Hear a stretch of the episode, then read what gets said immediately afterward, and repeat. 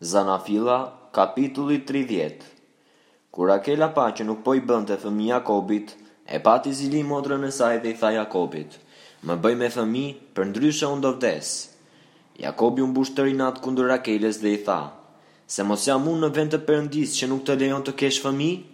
Ajo u përgjigj, Ja, shërbyesja ime Bilha, hyr tek ajo, që ajo të lindë mbi gjunjët e mi. Kështu nëpërmjet saj do të mund të bëhem me fëmijë. Kështu ajo i dha për grua shërbyesen e vet, Bilha, dhe Jakobi hyri tek ajo. Dhe Bilha, u ngjis dhe i dha një bir Jakobit. Atëherë Rakela tha, Perëndia më dha të drejtë. Ai dëgjoi gjithashtu zërin tim dhe më dha një bir. Prandaj i vuri emrin Dan. Pastaj Bilha, shërbyesja e Rakelës, u ngjis përsëri dhe i lindi një bir të dytë Jakobit. Atëherë Rakela tha, Kam luftuar shumë me motrën time dhe kam dalë fitimtare, prandaj e quajti djalin Neftali. Por Lea, duke parë që nuk po bënte më fëmijë, mori shërbyesen e saj, Zilpa, dhe ia dha për grua Jakobit. Kështu Zilpa, shërbyesja e Leas, i lindi një bir Jakobit. Dhe Lea tha, Ç'fat! Dhe i vuri emrin Gad. Pastaj Zilpa, shërbëtore e Leas, i lindi Jakobit një bir të dytë. Dhe Lea tha, Sa e lumtur jam! Sepse gratë do të më quajnë të lumtur. Prandaj i vuri emrin Asher. Në kohën e korrjes së grurit, Rubeni doli dhe gjeti në fusha mandragora dhe ia çoi nënës së tij, Leas. Atëherë Rakela i tha Leas, Më jep edhe mua ca mandragora të birit tënd. Ajo iu përgjigj, Të duket gjë e vogël që më more burrin dhe tani kërkon të marrësh edhe mandragorat e djalit tim? Rakela tha, Mirë, pra, si shpërblim për mandragorat e birit tënd, sonte ai do të bjerë në shtrat me ty. Kur në mbrëmje Jakobi u kthye nga arat, Lea doli ta takojë dhe i tha, Duhet të hysh tek unë, se të kam shtënë në dorë me mandragorat e birit tim. Kështu, atë natë, ai ra në shtrat me të. Kështu Perëndia ia plotësoi dëshirën Leas, e cila u ngjis dhe i lindi Jakobit, birin e pestë.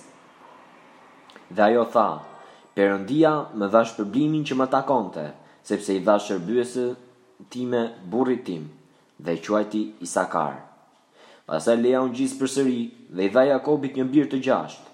Atëherë Lea tha, Perëndia më ka dhënë një dhunti të mirë, Këtë radhë, burri im do të banojë me mua, sepse i kam lindur gjashtë bij, dhe i vuri emrin Zabulon. Pastaj lindi një bijë dhe e quajti Dina. Perëndia u kujtua edhe për Rakelën. Dhe Perëndia ia plotësoi dëshirën dhe e bëri të frytshme. Kështu ajo u ngjis dhe lindi një djalë, dhe tha, Perëndia e hoqi turpin tim. Dhe e quajti Jozef, duke thënë, Zoti më shtoftë një bir tjetër. Mbas lindjes së Jozefit nga Rakela, Jakobi i tha Labanit, Më lejo të iki, që të shkoj në shtëpinë time, në vendin tim. Më jep gratë e mia dhe bijtë e mi, për të cilët të kam shërbyer dhe lërmë të iki, pasi ti e njeh mirë shërbimin që të kam bërë. Por Labani i tha, Në rast se kam gjetur hir në sytë e tu, qëndro, sepse kam prekur me dorë, që Zoti më ka bekuar për shkakun tënd.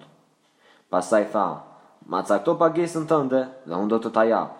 Jakobi iu përgjigj, Ti e di si të kam shërbyer dhe çfarë i ka ndodhur bagëtisë sate në duart e mia.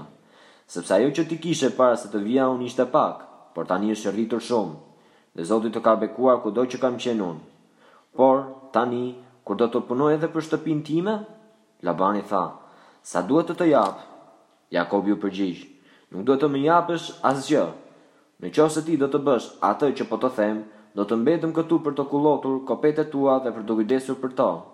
Do të kaloj ditën e sotme në mes tërë kopeve të tua dhe do të veçoj të gjitha kafshët laramane dhe pikalarme, të gjithë qengjat e zinj dhe të gjitha dhitë lara-lara ose pika-pika. Dhe këto kafshë do të jenë pagesa ime. Kështu tani e tutje ndershmëria ime do të përgjigjet para teje për personin tim kur do të vish të kontrollosh pagesën time. Çdo bagëti që nuk është laramane a me pika midis dhive, dhe çdo qengj jo i zi do të quhet i vjedhur po të gjenden pranë meje. Labani tha, Mirë, le të bëhet ashtu siç thua ti.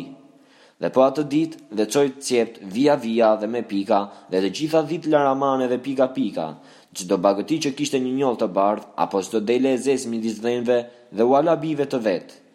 Dhe Labani vendosi një distancë prej tri ditësh me këmbë midis vetes së tij dhe Jakobit. Dhe Jakobi kulloste pjesën që mbeti nga kopetë e Labanit. Dhe Jakobi mori disa purteka të njoma plepi, bajameje dhe rrapi, u bëri disa zhvokje, duke zbuluar të bardhën e purtekave.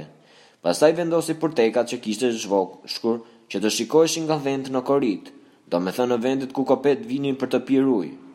Dhe kafshët vinin në afsh kur vinin për të pirë. Kështu kafshët vinin në afsh përpara purtekave dhe pillnin qengja vija-vija, lara-lara dhe pika-pika. Pastaj Jakobi i veçonte këta qengja dhe bënte që kopetë t'i kthenin sytë nga kafshët vija-vija dhe nga tërë ato të zeza në kopenë e Labanit. Ai formoi kështu kope të veçanta që nuk i bashkoi me kopetë e Labanit.